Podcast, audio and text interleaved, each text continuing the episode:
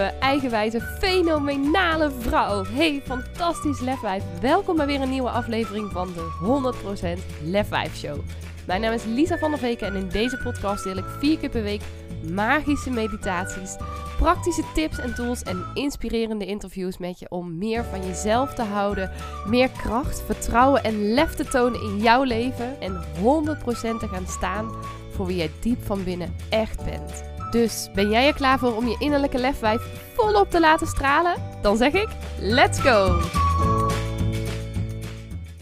Hey, fantastisch mooie, prachtige vrouw. Hey, mooi, lief, leuk lefwijf. Ik interview vandaag uh, Aduni Mariana. Aduni is ehm, financieel business mentor voor voornamelijk ZZP'ers in de zorg, maar ook als jij geen ZZP'er in de zorg bent, maar jij wel wat zou willen leren op het gebied van je financiën, hoe je die slimmer en makkelijker in zou kunnen richten, luister dan ook zeker naar deze podcast. Want in deze podcast gaat Aduni je onder andere meer vertellen over de Profit First methode. Wat deze methode eigenlijk inhoudt en waarom dit een hele waardevolle tool ook kan zijn in je business. En daarnaast ook, kan ik zeggen uit persoonlijke ervaring, ook in je privé financiën. Maar los van het stukje financiën vertelt ze je ook over haar grootste lefdaden ooit en waarom het willen voldoen aan de verwachtingen van je ouders voor jou niet altijd de beste keuze hoeft te zijn. Maar ook ehm, wat je ook in dit interview zult horen is dat uh, Aduni is nu financieel business mentor, maar is ooit gestart als verzorgende IG.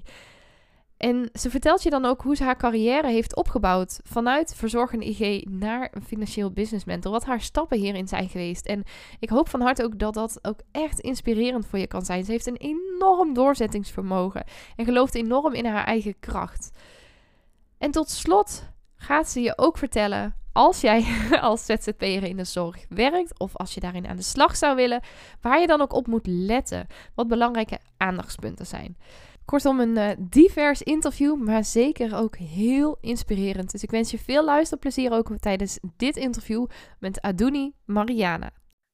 Aduni, van harte welkom in de 100% Lef 5 Show. Heel leuk uh, dat ik jou hier vandaag mag spreken. Ja, dankjewel dat ik hier mag spreken, überhaupt. nou ja, graag gedaan. In, uh, nou, wij kennen elkaar natuurlijk al een beetje, maar ik ben heel benieuwd naar jouw verhaal. Maar voor de mensen die je nog niet kennen, zou je jezelf allereerst eventjes voor willen stellen? Ja, um, mijn naam is Adoni Mariana. Um, ben 39 jaar oud, bijna 40. en um, mama van drie kids. En uh, ik ben uh, financieel business mentor voor zorgprofessionals. En mijn oorspronkelijke beroep is eigenlijk verzorgende IG en psychomotorisch therapeut. Dus het is een hele overslag geweest voor, uh, om iets anders te gaan doen. En ja, ja dat, dat ben ik, ja. Ja, wel heel mooi. En we hebben allebei ook een, uh, een zorgachtergrond, maar zijn vanuit daar uh, verder door gaan groeien.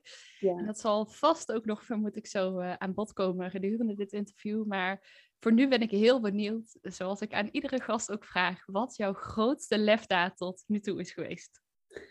Mijn grootste lef, ik moest eventjes over nadenken, want ik heb natuurlijk een beetje voorbereid van, hmm, wat zou je misschien kunnen vragen? en um, mijn grootste um, lefdaad is, um, ik denk dat is de eerste keer ook dat ik dit deel met andere mensen. Um, ik ben We hier... hebben een primeur, dames en heren. Ja, een primeur.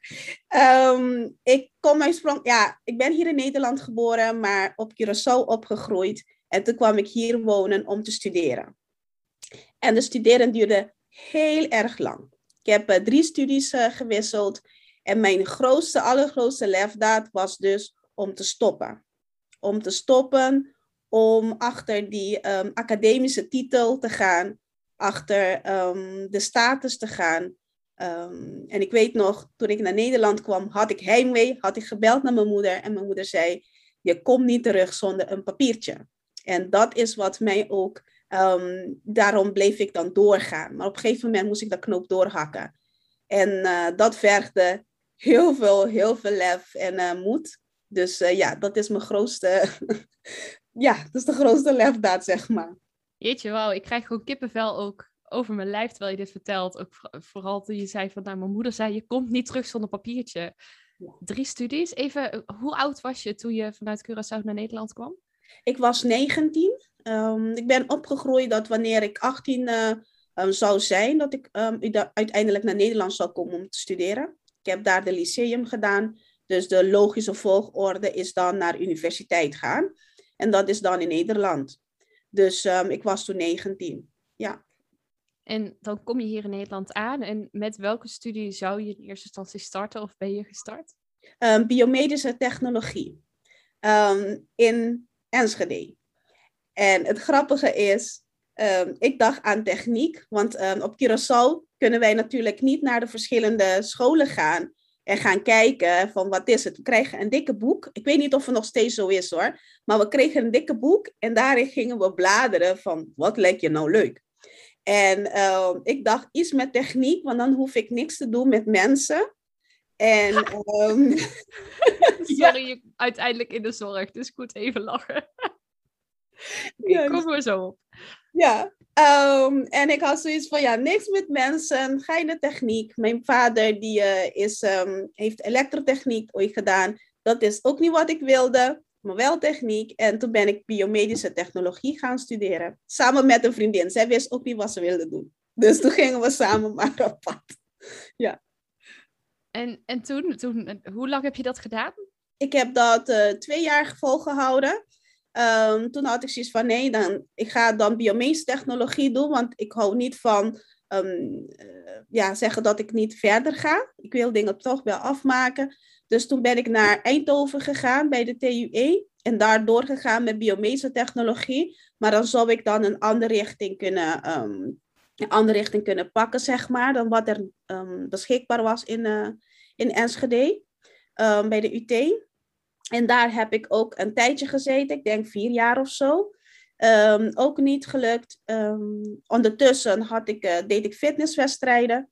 En um, ja, dat een andere ding weer. Deed ik fitnesswedstrijden en toen dacht, zag ik van hoe je het lichaam kan vervormen. En toen heb ik gekozen voor bewegingswetenschappen. En dan ging ik, toen heb ik dus bewegingswetenschappen gedaan in Amsterdam. Dus en hoe ja. lang heb je dat gedaan? Um, dat had ik weer, even nadenken, zes jaar gedaan. Dus uh, ik, ik ben niet van het quitten, zoals ik al zei. Um, ik had ondertussen wel de, ik had de psychomotorische therapie uh, kant uitgekozen. Die had ik dus wel afgemaakt.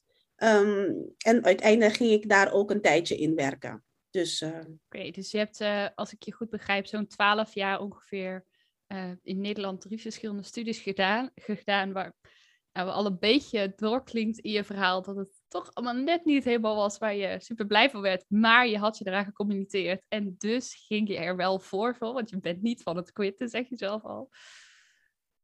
En wanneer neem je dan het besluit om te denken, ik stop ermee? Want je zei net, je hebt zes jaar bewegingswetenschappen gedaan. Kan je me daar eens in meenemen?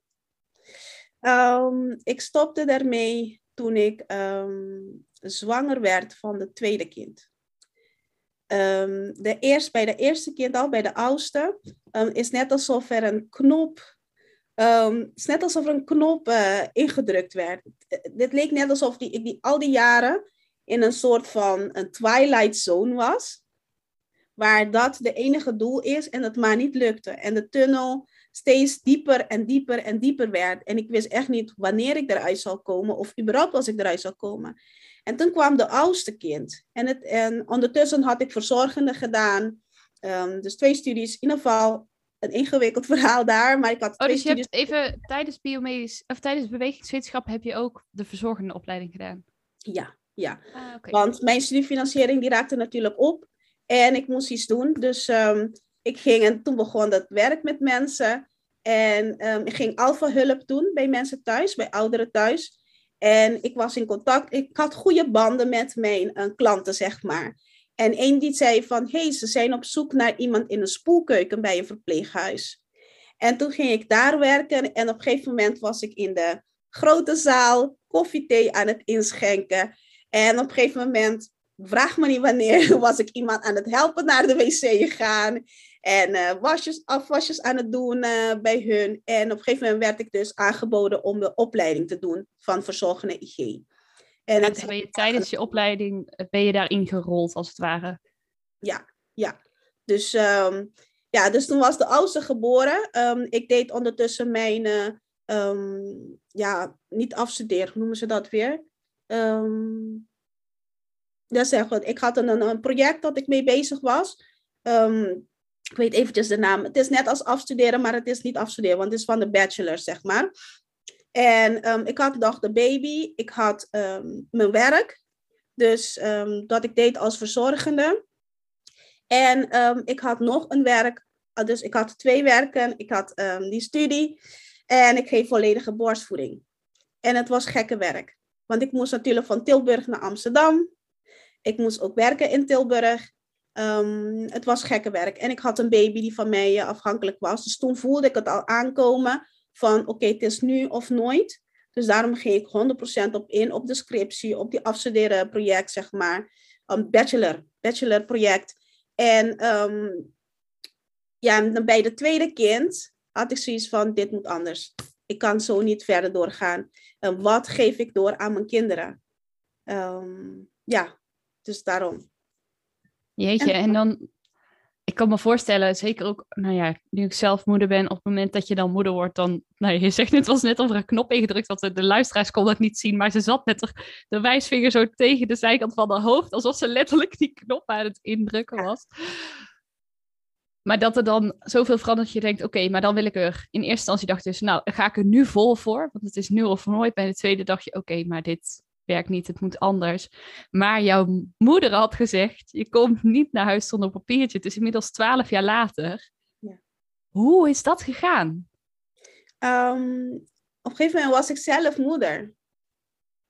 Dus um, die umbilical dus uh, ja, die, moet op een gegeven moment gesneden worden.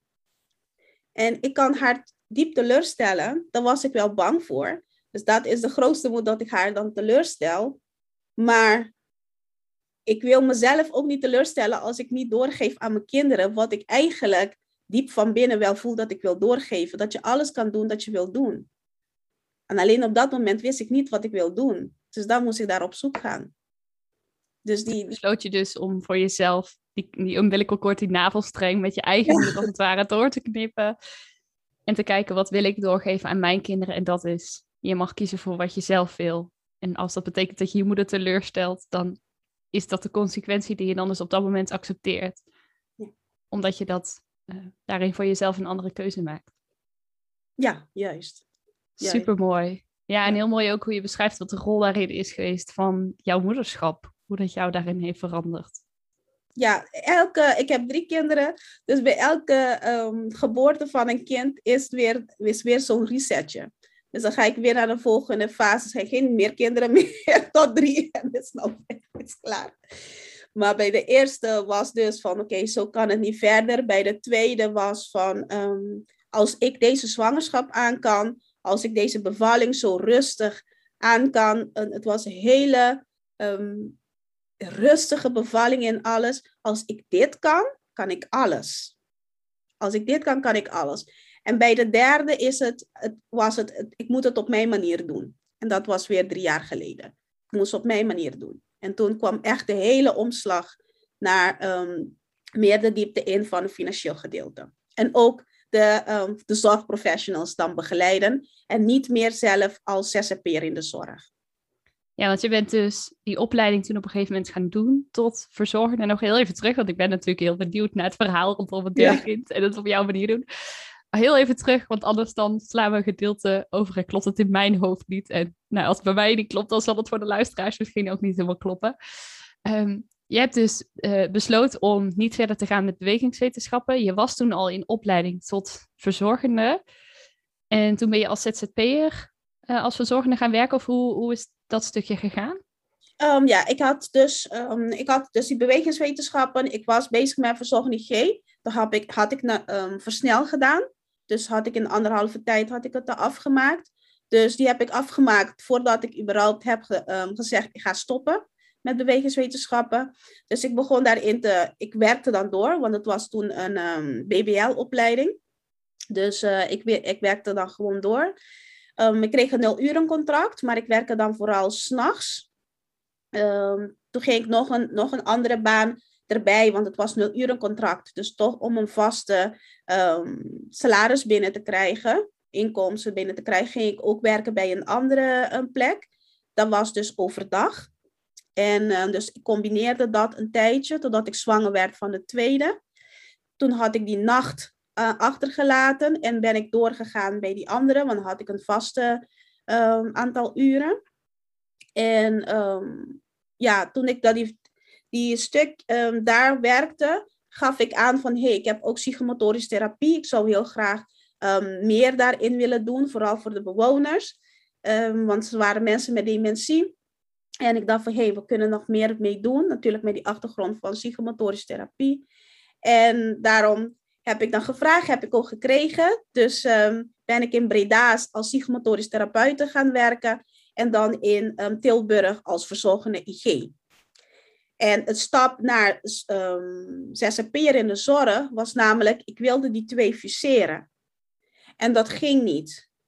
Um, door budget en van alles, dat ging niet. Maar er wel, werd mij wel iets anders aangeboden. Die wat, dat wel aantrekkelijk was. En dat was? Uh, als coördinator van uh, activiteitenbegeleiding. Maar we bleven onderhandelen met elkaar en ik voelde aan alles van, dit is toch niet wat ik wil. Um, al, ik denk al zouden ze, ik weet niet welke bedrag me zouden aangeven, ik voelde aan alles, ik moet um, als zelfstandige gaan werken. En ondertussen was ik al een beetje begonnen met workshops geven, lezingen enzovoorts. En, um, en toen ja, weer die knoop doorhakken. Ik ga op mijn eigen en uh, ik ga volledig zelf. Dus ja, en zo was die overstap toen gegaan. En ik had ook een paar cliënten gekregen die uh, meest eigenlijk combinatie hebben van zorg en bewegen. Dus ik kon ook die overstap maken. Zo spannend was het ook weer niet, want financieel gezien kon het gewoon. Ja, dus dat is wel fijn dat je dan in die zin al wel wat houvast hebt op het moment dat je die switch maakt naar ZZP'er.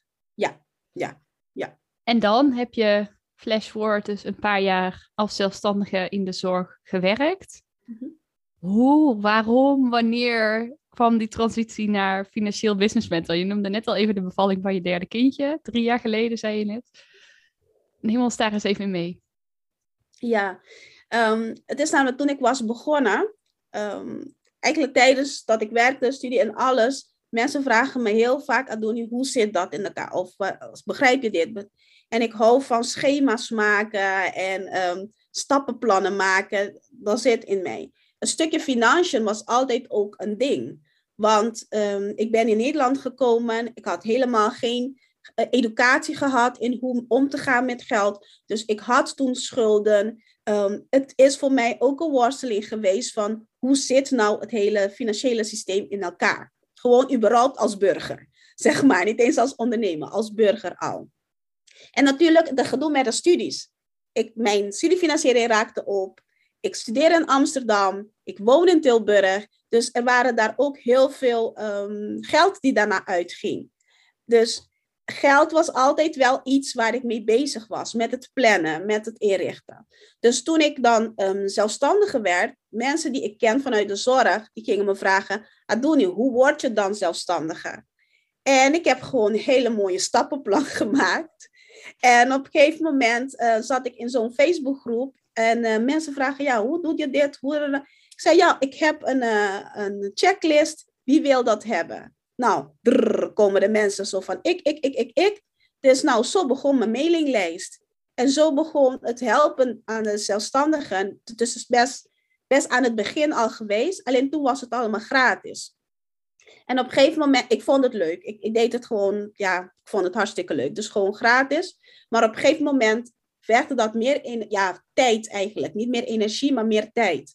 En met um, drie kinderen. Tijd ja. is schaars goed. Juist, juist, je snapt hem. Dus en toen moest er keuze gemaakt worden. En een gedeelde focus is ook geen focus. En uh, daarom en toen ging ik voelen van waar word ik het meest blij van? En dat word ik meest blij van. En vorig jaar heb ik dan de volledige transitie gedaan. Toen ik dus in een, uh, bij iemand was, een, een, cliënt van mij. En uh, het was overal ontlasting in die badkamer. Gadverdamme. Ja, maar dat is de realiteit, hè? Ja. Ja, nogmaals, godverdamme. ik ben blij dat ik daar niet meer middenin zit. Maar goed, vertel verder. Ja. Dus um, toen zat ik in, dus zo, en ik dacht van, waar ben ik mee bezig? Eerst deed ik het Ja, dat kan ik me voorstellen. waar ben ik mee bezig? Eerst deed ik gewoon, um, je moet ergens beginnen. Want meestal als je zoiets aantreft, je weet niet waar je moet beginnen. En je begint gewoon ergens. En dan uiteindelijk komt alles wel weer goed. Maar op dat moment had ik zoiets van, waar ben ik mee bezig? En ik schaamde me ervoor dat ik dan de cliënt niet in het oog had. En dat is wat ik altijd wel had. De cliënt gaat voorop en de rest is bijzaak. Als het met de cliënt goed gaat. En op dat moment was ik dan de, de center in mijn, uh, in mijn hoofd. En toen wist ik van nee, dit is niet goed meer. Dit is niet goed voor mij, maar ook niet voor mijn cliënten. Ik moet er 100% voor hun daar kunnen zijn. En toen ging die uh, weer die knop. Zo van nou, nou is het klaar. En toen ben ik ook uh, alle, bijna alle cliënten, ik heb nog eentje nog. Um, maar daar is ze net als familie, dus uh, die kan ik nog niet aan loslaten helemaal. Ga ik één keer in de week. Maar de rest um, heb ik dan allemaal bij andere zzp'ers dan kunnen, ja, kunnen zetten dat goed bij hun klopt ook. Hè? Want dat is ook belangrijk. Ja, ja ja, ik, moet, ik zit er nog steeds een beetje over na te denken. Dat ik denk, nou, drie keer kwam een schakelpunt toen je, toen je een kind kreeg, maar de derde keer door de poep in de badkamer. Juist. dat was nodig. Wel, wel, een hele leuke anekdote, maar eigenlijk wel belangrijk wat je dan zegt van op momenten, want nou, je begon toen je van Curaçao afkwam van ik wil helemaal niet met mensen werken. Nou, uiteindelijk heb je ongeveer een 180 graden switch gemaakt naar volledig met mensen werken. Maar waar je wel heel veel plezier uit hebt gehaald. Waarbij je steeds ook meer bent gaan kijken van, nou, wat wil ik nou? Waar word ik nou eigenlijk blij van? En daar steeds nieuwe stappen in hebt gezet, keuzes in hebt gemaakt. Maar ook wel, nou ja, wat ik ook terug hoor in je verhaal. Je bent iemand die niet opgeeft, die doorzet. Die ook wel consciëntieus is. En dingen graag goed uitwerkt. Maar daar ook echt wel voor anderen wil zijn. En op het moment dat jij voelt dat je er dan niet meer op welke manier dan ook volledig voor iemand kan zijn. Ofwel in tijd voor je gezin, ofwel in aandacht voor bij de cliënt, dan kies je ervoor om een nieuwe weg in te slaan, wat voor alle partijen eigenlijk beter is. Ja, ja. En dan dus de omslag naar financieel business mentor. Ja. Um, ja, cijfertjes liegen niet. Cijfertjes die je. Uh, um, je kan um, het verleden meekijken, je kan uh, ja, het heden kijken en je kan ook de toekomst een beetje voorspellen. En voor um, zelfstandigen in de zorg. Ik wil zeggen zorgverleners in het algemeen, maar ik pak eventjes nou zelfstandigen in de zorg. Ik merk dat ze heel goed zijn in, uh, in de zorg. De meesten zijn heel goed in de zorg. Dat is ook wat ze kennen. Voor ons is de transitie ook um, redelijk makkelijk. Vooral nu dat er een flinke tekort is. De bemiddelingsbureaus, corporaties, platformen, die reizen als paddenstoelen uit de grond.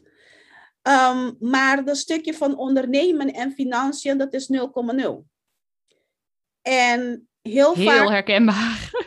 Ja, het is 0,0. En het is niet zo dat je bij de KVK inschrijft en dat je ineens daarbij ook een pakketje krijgt van, oh, en zo ga je met je geld om. Of zoveel moet je betalen aan belastingen. Zelfs de boekhouder en accountant kan je dan niet zeggen hoeveel het ongeveer is. Um, wat ik ook merk is de, um, de mindset die vanuit een loondienst komt en naar de um, ondernemerschap gaat, um, die neemt ze gewoon mee. Het wordt niet een, een ondernemersmindset. De, de loondienstmindset die gaat gewoon door, omdat die transitie ook makkelijk gaat. Omdat je die van alle partijen hebt die je dan met allerlei dingen faciliteren. En ik zeg niet dat dat slecht is, helemaal niet. Ik bedoel, het is een luxe positie en waarom niet gebruik van maken als die er is. Maar stel je voor als ze wegvallen. Stel je voor um, dat je al je geld verbruikt, want dat hoor ik heel vaak van zzp'ers. Ze weten niet eens hoeveel percentage ze opzij moet zetten of hoeveel geld ze opzij moet zetten voor de belastingen. En dan komt de belasting als een verrassing. Um, dan komt uh, van alles als een verrassing, omdat je gewoon de kennis niet hebt. En um, het werk dat zorgverleners doen is zo mooi dat ik het zonde vind als um, dat stukje van financiën, dat dat een spiraal blijft, waardoor ze niet meer kunnen zien wat er mogelijk is. Dat ze, hoe kunnen ze zien van hoe kunnen ze mensen helpen en toch groeien in de ondernemerschap, toch groeien als persoon. Omdat de hele tijd alles draait rondom dat stukje financiën en niet weten wat je allemaal moet doen. Ja, dus eigenlijk hoor ik je zeggen van nou, je weet ook hoe het is om in de zorg te werken. Nou, dat weet ik natuurlijk ook als geen ander. Ik heb tien jaar als verpleegkundige gewerkt. En ik herken, ik zei het net al, ik herken ook heel erg wat je zegt. Dat als verpleegkundige, nou toen ik mijn eigen bedrijf startte, ik wist echt 0,0 van ondernemerschap.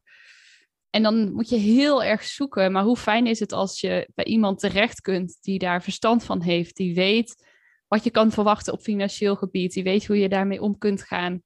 En die je daarbij ondersteunt en die ook nog die achtergrond heeft vanuit de zorg. Dus die ook weet wat je doormaakt en door welke processen je heen gaat. Je hebt zelf gewerkt natuurlijk als ZZP'er super mooi ook dat je daar mensen bij helpt en bij ondersteunt. Ja, ja en wat ik ook zie is van, ehm, omdat we een zorghart hebben, we zijn hulpverleners, um, wordt er soms ook gebruik van gemaakt of misbruik van gemaakt door verschillende partijen. Ehm, en als je de kennis hebt, dan kan je dan ook alerter zijn van, oké, dit is wat ik wil, dit is waar ik naartoe wil. En dan kan je ook in een betere onderhandelingspositie zitten dan in een positie van, ik neem wat me aangereikt wordt. En, en dus kan je een voorbeeld noemen op welke manier er bijvoorbeeld gebruik slash misbruik gemaakt wordt van zo'n ZZP'er in de zorg? Ja, um, een van de manieren is niet alle bemiddelingsbureaus, maar er zijn sommige bemiddelingsbureaus die dan zoiets hebben, oké, we hebben een vaste uurtarief en wij plannen jou ook in. Dus um, een hele lage tarief, terwijl um, als je meer kennis hebt, je weet dat ze dan heel veel meer krijgen voor jou bij die ene instelling, dat ze aan jou aan het geven zijn. Ja, maar je, kan, je hebt geen onderhandelingspositie. Dit is wat je krijgt, punt. Um, overeenkomsten. Overeenkomsten worden eenzijdig soms gemaakt. Um, je, je ondertekent het, want je zegt van, hé, ja, ik heb een opdracht binnen. En het bedrag die je krijgt is dan veel meer dan je ooit bent gewend in loondienst. Dus daar maken ze ook misbruik van. van ze weten dat, dat dat de psychologie is onder vooral starters. En je krijgt dan een roze van, ja, daar moet je naartoe, daar moet je naartoe. En dit krijg je dan eh, betaald. En je betaalt ook nog bemiddelingsfee er bovenop. Dus die kosten gaan er ook weer vanaf. Uh, en hier is het bekijk het verder wat je ermee doet. Ja. Ehm, en dat, dat stukje. Ook wordt er eigenlijk wat ik heel vaak ook tegen mijn klanten zeg, ook tegen de volgers uh, van mij zeg, ken jouw positie. Ben je een zakenpartner of ben je personeel? De ene is niet beter dan de andere, maar het is handig om te weten, om te weten in welke onderhandelingspositie zit je. En heel vaak via bemiddeling enzovoorts zit je in een personeelrol. Niet als zakenpartner. Maar je kan een beetje switchen door als je weet dat je dan kan onderhandelen, want ze hebben jou nodig. Dus je kan onderhandelen over het tarief. Je kan uh, onderhandelen over de bemiddelingskosten. Want eigenlijk zijn zij in dienst van jou. Jij geeft het uit, de marketing, de sales en de closure gedeelte. Jij bent het aan het uitbesteden aan hun. Dus dan ja, terwijl ik... Ja, want ik kan me heel goed voorstellen inderdaad ook... Nou, als ik daar zelf in zou zitten, dat je denkt, oh wat fijn, want zij kunnen mij ondersteunen. Terwijl eigenlijk, als je als ondernemer zou gaan denken, is het ja, maar op het moment dat ik mijn marketing aan iemand uitbesteed, dan kijk ik ook wat ik daar aan tarief aan kwijt zou willen zijn. En op die manier mag je ook met diezelfde mindset dus naar een bemiddelingsbureau kijken. Ja, en wat leveren ze mij dan daadwerkelijk voor dat tarief? En, uh, en kan ik vergelijken? Wat is er nog meer op de markt? Om daar ook scherp in te gaan zitten, inderdaad, als zakenpartner in plaats van als personeel. Vind ik een hele mooie. Die had ik nog niet eerder gehoord. Ja, ja. Ken, ken je positie. En het is niet alsof van ja, en het zal beginnen, beginnen te stijgeren. Ja, maar ik ben bij mezelf en ik ben zelfstandig, dit en dat. Zeg ja, maar Wie's uniform draag je? Draag jij je eigen uniform? Bepaalt jij zelf protocollen? Bepaalt je zelf hoe je de zorg levert aan de cliënten? Als je in die gangen loopt, denk daar even over na. Dan weet je in welke positie je zit. Ja, en ik denk ook heel mooi om nog wat breder te trekken. Dit geldt natuurlijk niet alleen voor ZZP'ers in de zorg. Dit geldt voor eigenlijk alle ZZP'ers op alle fronten en ook ondernemers. Van, vanuit welke rol ga jij gesprekken aan met mogelijke zakenpartners? Hoe zit jij daarin? Ehm, wat, wat wil jij er voor jezelf uithalen? Heb je dat helder voor jezelf? Weet je ook wat je wilt bereiken? Ehm, waar je bijvoorbeeld, als je het hebt over tarieven, waar je minimale en maximale tarieven zit, et cetera. Dus hoe steek je het ook in? En dat je dat dus ook meeneemt, eigenlijk hoor ik je zeggen, op het moment dat je bijvoorbeeld gesprekken aangaat met bemiddelingsbureaus of met andere zakenpartners. Ja, ja, ja. Hoe bereken je je uurtarieven? Wat is de maximale dat je kan halen? Zeg van ja, je moet zelf je tarieven bepalen. Hoe vaak zijn we misschien naar business coaches enzovoorts geweest en die zeggen van ja, de tarief bepaal je zelf. Hoeveel geef jij jezelf waard? Nou, de markt, die is wel anders. Realiteit is anders. Als je in de zorg zit, er is een maximale. En er is ook een minimale. En die moet je weten. Dus, ja, en hoe kom je dat te weten? Dat is best wel een uitdaging, denk ik. Ja. En wie betaalt, bepaalt. Dat is wel de zorg. Dus je kan vinden dat je 100 euro waard bent per uur. Maar als de markt zegt dat je maximaal 65 kan hebben, dan is dat dat. Ja, en dan is het vervolgens denk ik ook aan jou als ondernemer de keuze. Wat wil je daar dan vervolgens mee doen? Ga je kiezen voor die 65 euro? Of besluit je dat je dan een andere richting in slaan? Maar dan heb je dus de kans dat je wel heel veel opdrachten verliest. Ja, of hoe kom je dan aan die 100 euro per uur? Ik zeg niet dat het niet mogelijk is. Maar wat moet je dan doen om uiteindelijk een gemiddelde aan 100 euro per uur te hebben? Ja, ja, en jij hebt daar dus allemaal inzicht in wat je als verzorgende, als verpleegkundige, et cetera, bijvoorbeeld kan vragen. Hoe je je tarieven kunt uplevelen. Hoe je daar financieel verstandig mee om kunt gaan. Ja. En, en we hebben het nu gehad over hoe je uh, je eigen prijzen kan bepalen. Wat belangrijk is in de mindset die je meeneemt als je met zakenpartners gaat onderhandelen. Waar ondersteun jij ondernemers nog meer in? Um, ik, onderst ja, ik heb uh, de opleiding van Profit First gedaan. Dus ik ben een Profit First professional. En um, dan ga ik ook kijken van wat is het doel van de persoon. Dus um, dat is eigenlijk waar, waar ik start. Ik start meestal met een financieel plan en wat is het doel. En aan de hand van het doel bereken ik dan ook um, percentages van oké, dit gaat naar de belastingen, dit gaat naar je salaris, dit gaat naar kosten, investeringen enzovoorts.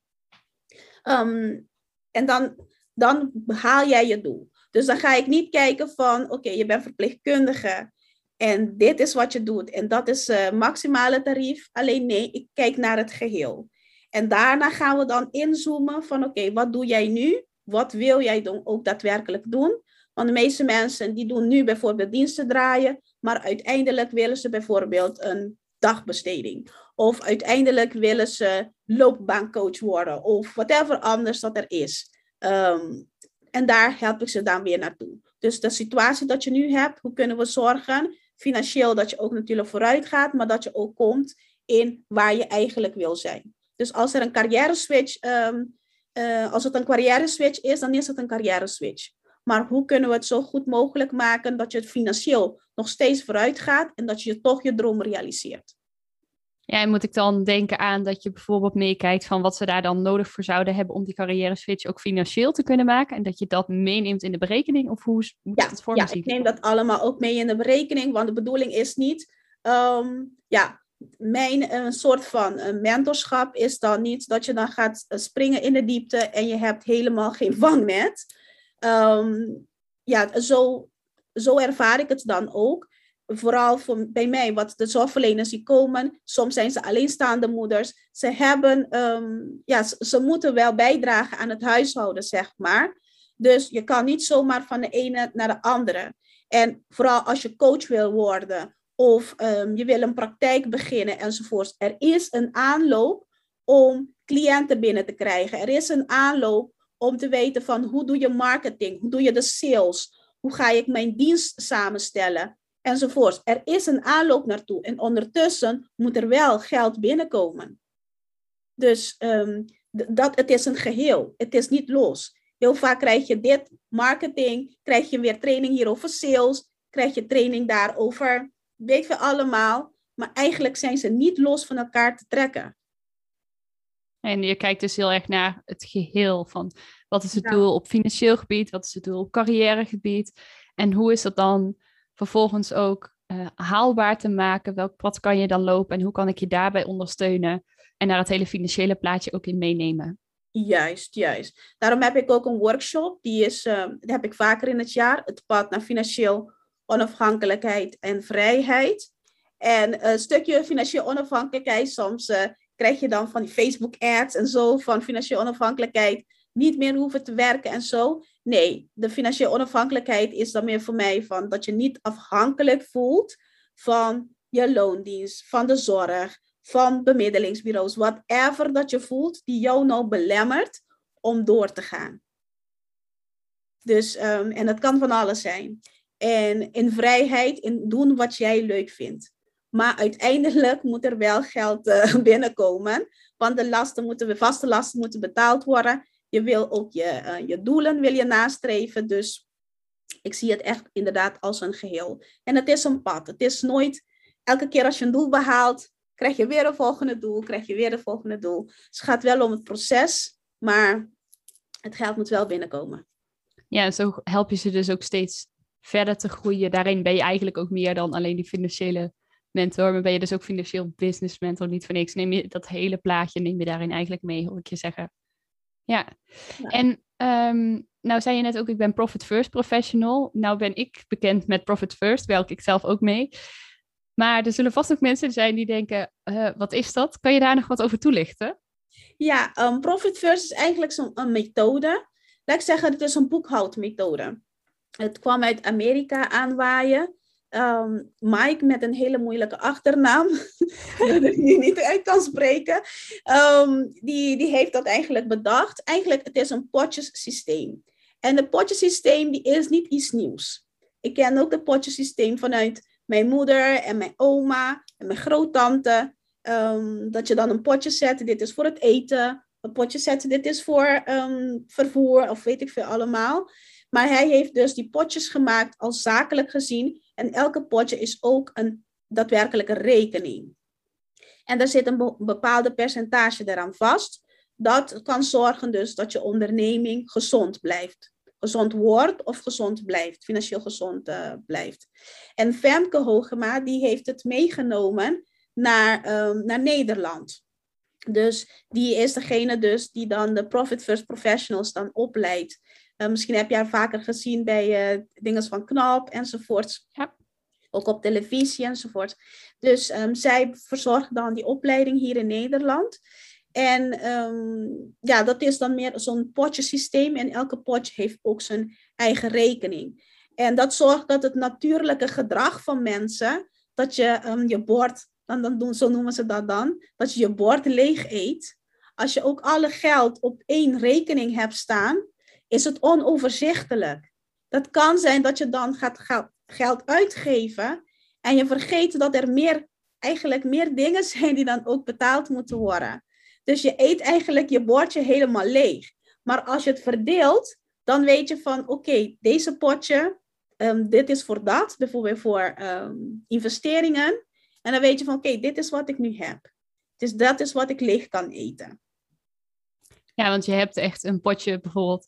Ik weet van mezelf, ik heb uh, een potje, een rekening voor BTW, eentje voor belastingen, eentje voor investeringen, eentje voor salarissen uit te keren, een winstrekening. En dat je op die manier met vaste percentages, mijn rekeningen heten ook gewoon letterlijk investering. En ik weet niet eens uit mijn hoofd, maar 20% of zo, ik noem maar wat.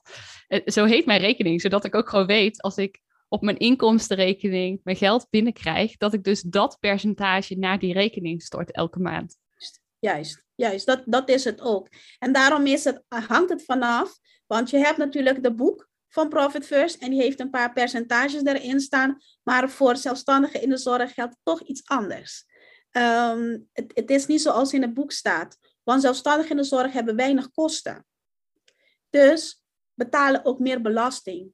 Maar omdat ze de hele tijd in diezelfde riedeltje zitten van met het geld en hoe zitten de, regels en de wetten en bla bla bla bla, um, zien ze dan ook uh, niet verder van dat ze ook kunnen investeren om te kunnen groeien of investeren om daadwerkelijk die droom die ze dan hebben ook te realiseren. Dus daarom kijk ik naar wat voor doel heeft, uh, heeft de persoon en daarvanuit bereken ik dan de percentages. Ja, dus dan ga je inderdaad ook kijken van nou, hoe ver heb jij dan dus eh, een, een, potje, een potje, een budget nodig voor investeringen om je lange termijn doel te kunnen behalen. En hoe meer je daarvoor nodig hebt, hoe hoger bijvoorbeeld het percentage ook daarvoor zal worden.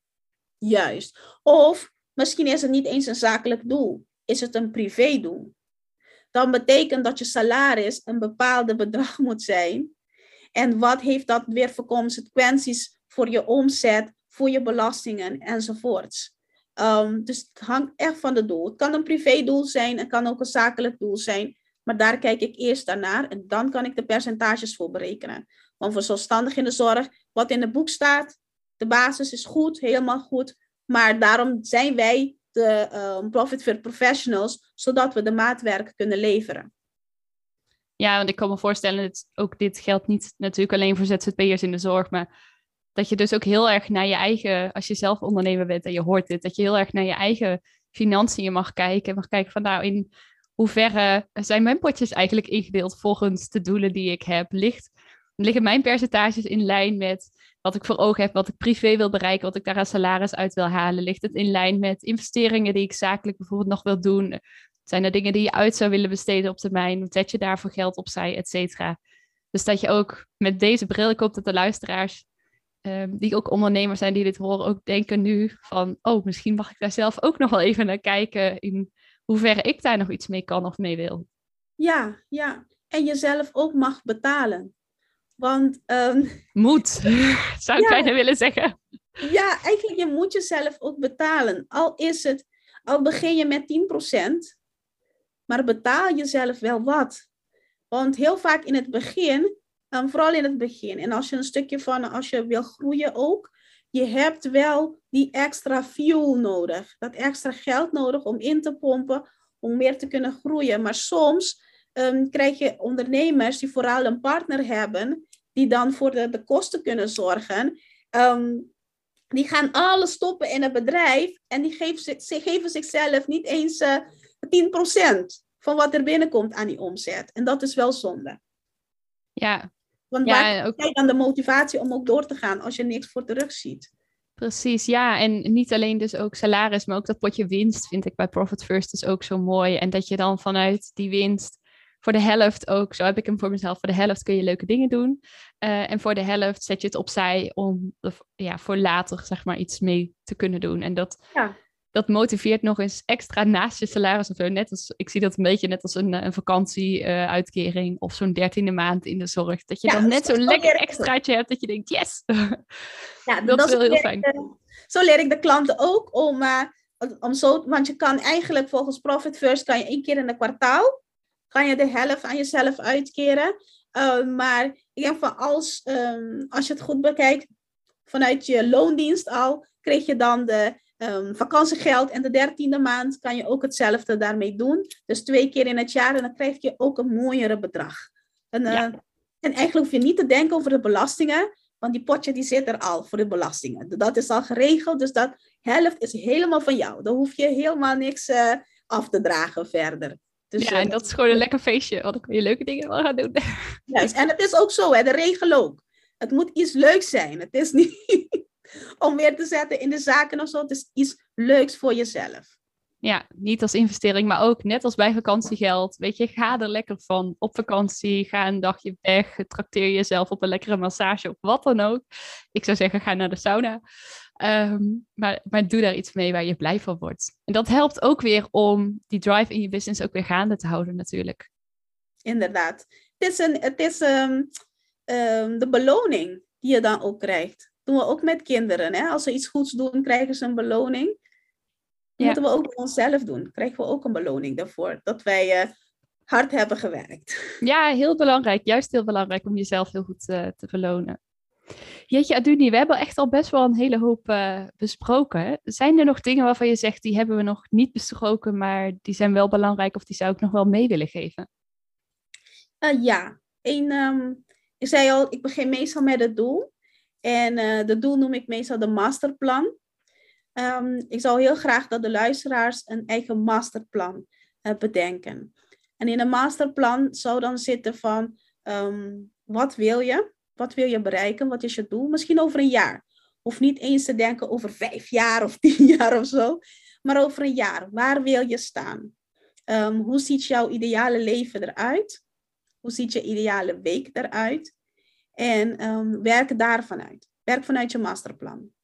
Um, ja, eigenlijk dat. dat. En niet alleen maar doorgaan met al die, die... Ik weet, ga wel met de flow, maar heb wel je masterplan in de oog. Wat wil je? En die kan veranderen, hè? Misschien over een half jaar verander het weer en dan pas je het weer aan. Maar tenminste heb je, een, heb je je droom heb je dan concreet gemaakt. Ja, en heb je ook een stip op de muur, zoals een van mijn coaches dat al zegt, waar je dan dus naartoe werkt. Ja, ja, ja. Ja, heel mooi. Hele mooie tip ook. En heel concreet ook. Dus ga daar voor jezelf mee aan de slag. Maak een plan met waar wil ik naartoe. Om vanuit daar vervolgens ook je eigen bedrijf neer te gaan zetten. En dus ook je financiële kant van je bedrijf in te gaan richten. Juist, juist. Ja. En als mensen nou denken van, oh, dat, ik ben ZZP'er in de zorg, ik zou hier wel wat hulp bij kunnen gebruiken. Hoe, maak ik nou dat masterplan? Of, oh, help, je zegt nu allemaal dingen waar ik nog nooit aan gedacht heb. Waar kunnen ze dan meer over jou vinden? Of hoe kunnen ze hier meer over te weten komen? Um, ze kunnen mij, um, bij mij bereiken bij via Facebookgroep. Um, het is heel simpel. Ik ben niet zo creatief in namen. Dus daarom heet mijn onderneming voor een zzp'er in de zorg. zo creatief is het niet. Maar het is duidelijk waar voor wie het is. En de groep heeft voor, voor zelfstandige zorgprofessionals. En de zorg tussen haakjes. Want zoals je zei, alle professionals hebben hier wat aan. Maar de groep heeft voor zelfstandige zorgprofessionals, Facebookgroep. En daar kan je gewoon gratis van uh, lid van worden. Er zitten nu ondertussen um, iets meer dan 3400 mensen erin. En ik heb uh, constant tips en adviezen en ik leg dingen uit. We hebben ook onze workshops die dan daar ook plaatsvinden. Dus dan krijg je al heel veel informatie waar je meteen aan de slag mee kan. Ja, super tof. Een hele waardevolle Facebookgroep uh, om bij aan te haken. Al is het alleen maar voor de interessante tips en ideetjes. En de lekkere energie ook van Aduni. Dat uh, nou, is ook heel mooi meegenomen, zeker. Dus dat uh, kan ik van harte aanbevelen. Dankjewel, dankjewel. Dan uh, nou, wil ik hem bij deze heel graag ook met jou afronden. Zou ik voor de luisteraars zeggen, zoek de Facebookgroep zo meteen even op na de afloop van dit podcast-interview. En wil ik je vooral heel erg bedanken voor je tijd en input en waardevolle tips en inspiratie ook. Ja, dankjewel ook voor je uitnodiging. Het is hartstikke leuk. Ik ben heel dankbaar voor. Heel graag gedaan. Yes, dat was hem weer, het podcast-interview met Aduni Mariana. Mocht je nou ook ZZP'er in de zorg willen worden of ben je ZZP'er in de zorg, ga dan ook zeker even naar de Facebookgroep facebook.com slash voor de ZZP'er in de zorg. Waar je ook meer informatie vindt en ook uh, haar tips en haar webinar ook kan volgen.